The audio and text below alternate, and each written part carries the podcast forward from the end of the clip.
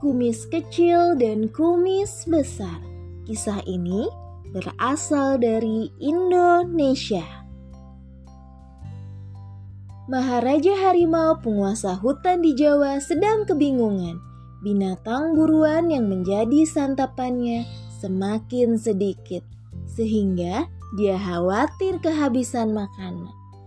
Bukan dia saja yang takut kelaparan, kawan-kawannya sesama harimau juga takut. Agar dapat bertahan hidup, Maharaja Harimau memanggil kawan-kawannya. Dicabutnya sehelai kumis dari wajahnya. Pergilah kalian ke hutan di Kalimantan. Tunjukkan kumisku ini kepada Maharaja Satwa di sana.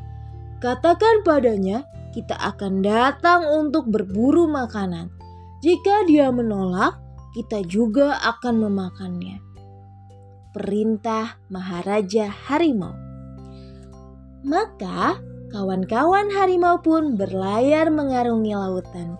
Setiba di pesisir Kalimantan, mereka bertemu dengan seekor kancil. Berikan kumis ini kepada Raja Satwa di sini.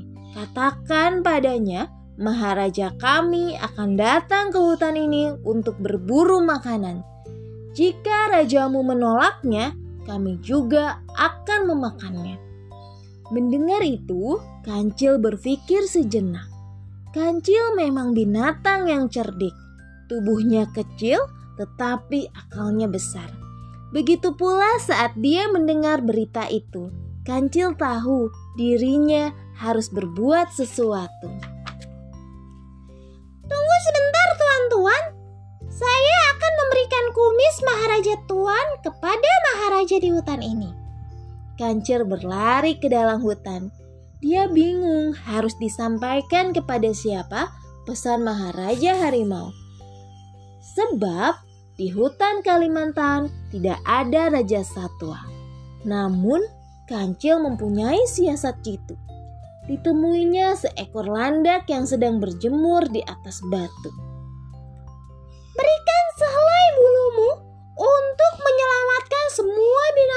Dari ancaman harimau-harimau di Jawa. Kata Kancil kepada Landak dan Landak menuruti permintaannya. Dicabutnya sehelai bulunya yang besar dan tajam. Diberikannya kepada sahabatnya. Tanpa banyak bicara, Kancil berlari membawa bulu landak itu dan memberikannya kepada harimau. Apa jawaban Maharajamu? Tanya harimau. Jawabannya tidak. Maharajaku pun memberikan kumisnya untuk Maharajamu. Pesannya, datanglah kalau berani.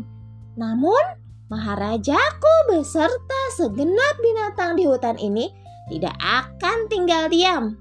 Betapa terkejutnya harimau-harimau itu melihat kumis yang dibawa kancil.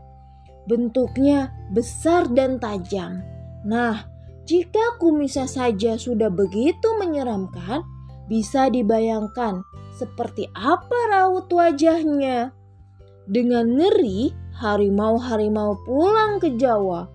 Tak lupa, kumis Maharaja Satwa Kalimantan dibawa serta.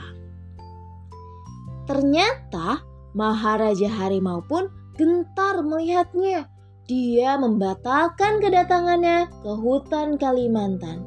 Itulah sebabnya tak ada seekor harimau pun di hutan Kalimantan.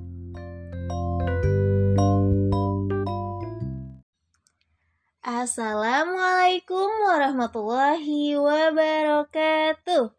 Halo, bertemu lagi dengan Bu Putri. Apa kabar semuanya? Semoga sehat selalu ya. Nah, Bu Putri mempunyai permainan nih. Nama permainannya Tebak Siapa Aku. Gimana ya permainannya? Ada yang sudah tahu? Penasaran gak nih? Sekarang, yuk kita lihat videonya. Tonton sampai selesai ya. Bentukku seperti bintang. Aku hidup di laut. Meskipun hidup di laut, aku tidak bisa berenang. Aku merayap di dasar laut menggunakan lengan-lenganku. Siapakah aku? Aku hewan berkaki empat. Aku berjalan sangat lambat. Ke mana pun pergi, aku selalu membawa rumahku. Cangkang namanya. Siapakah aku? Bentuk tubuhku seperti pipa. Aku punya sepuluh tangan. Tanganku yang panjang untuk menangkap mangsa. Aku hidup di laut. Siapakah aku? Aku menghabiskan hari-hariku di atas pohon. Aku senang melompat dari dahan ke dahan. Warna tubuhku berubah sesuai tempat yang kupijak. Aku mudah ditemukan di kebun-kebun. Siapakah aku? Aku adalah hewan liar. Aku mencari makan pada malam hari. Bentuk tubuhku seperti kucing, tetapi aku lebih panjang dan ramping. Aku juga mempunyai ekor yang panjang. Siapakah aku? Aku adalah hewan hutan. Aku mencari makan pada malam hari. Saat musim dingin, aku bisa tidur sepanjang musim. Rambutku kaku dan tajam. Duri namanya. Siapakah aku? Aku termasuk hewan menyusui. Tubuhku ditutupi sisik-sisik yang tersusun rapi. Makananku adalah semut-semut kecil. Itulah sebabnya orang menyebutku pemakan semut bersisik. Siapakah aku? Aku punya empat buah gigi. Gigiku kugunakan untuk membuka makananku, yaitu cangkang kerang. Aku termasuk ikan paling beracun di dunia. Siapakah aku? Dari gambar hewan berikut ini, manakah yang Allah karuniakan cara melindungi diri dengan memutus anggota badannya seperti bintang laut? Apakah nama hewan itu? Dan hewan manakah yang Allah karuniakan cara melindungi diri dengan bersembunyi di dalam cangkang seperti kura-kura? Apakah nama hewan itu?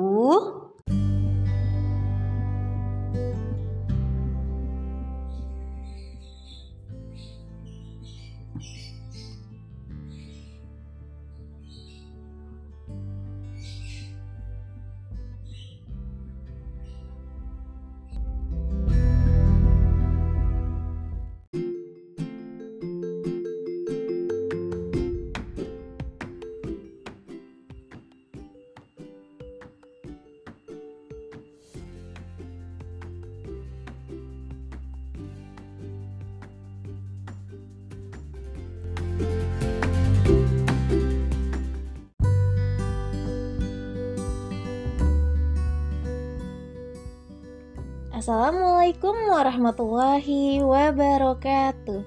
Halo, apa kabar semuanya? Insya Allah semuanya sehat ya, amin.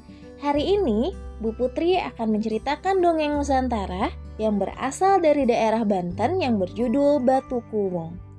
Dengarkan dengan saksama ya kisahnya. Batu Kuwung berasal dari Banten. Alkisah, dulu di Banten, ada seorang saudagar kaya sekaligus kepala desa yang tidak disukai warganya karena kikir dan sombong. Suatu hari, seorang pengemis mendatangi rumah sang saudagar. Namun, yang didapat pengemis tersebut hanya caci maki dari sang saudagar. Sang pengemis pun marah dan berkata, "Hai saudagar kikir, bersiaplah untuk menerima balasan yang setimpal.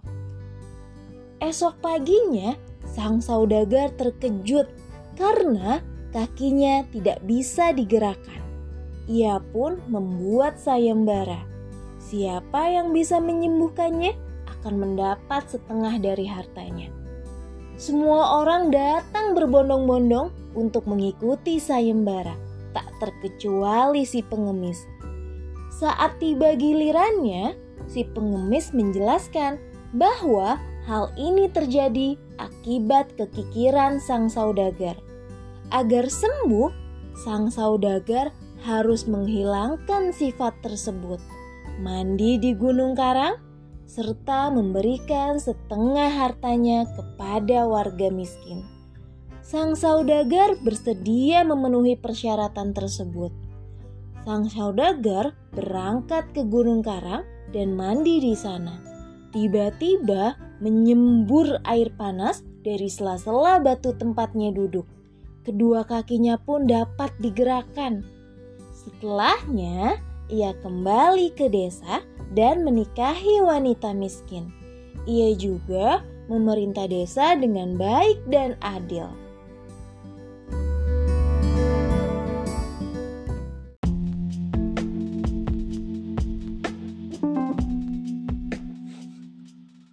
Assalamualaikum warahmatullahi wabarakatuh. Halo, apa kabar semuanya? Insya Allah semuanya sehat ya, amin. Hari ini Bu Putri akan menceritakan fabel mancanegara yang berasal dari Afrika berjudul Sama-sama dari Telur. Yuk sekarang kita dengarkan kisahnya. Seekor buaya mengawasi seekor ayam yang sedang minum di tepi sungai ayam itu tak sadar akan bahaya yang mengintainya. Ketika dia sedang lengah, bergegas buaya muncul sambil membuka mulutnya. Ayam terkesiap. Dia harus rela menjadi santapan buaya. Untunglah ayam itu cerdik. Sebelum buaya sempat melahapnya, dia berseru, "Jangan kau makan aku, saudaraku. Carilah binatang lain sebagai santapanmu." Buaya terpaku mendengar seruan itu.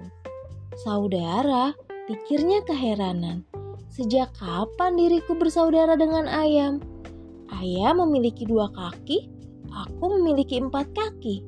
Ayam berbulu, aku berkulit keras.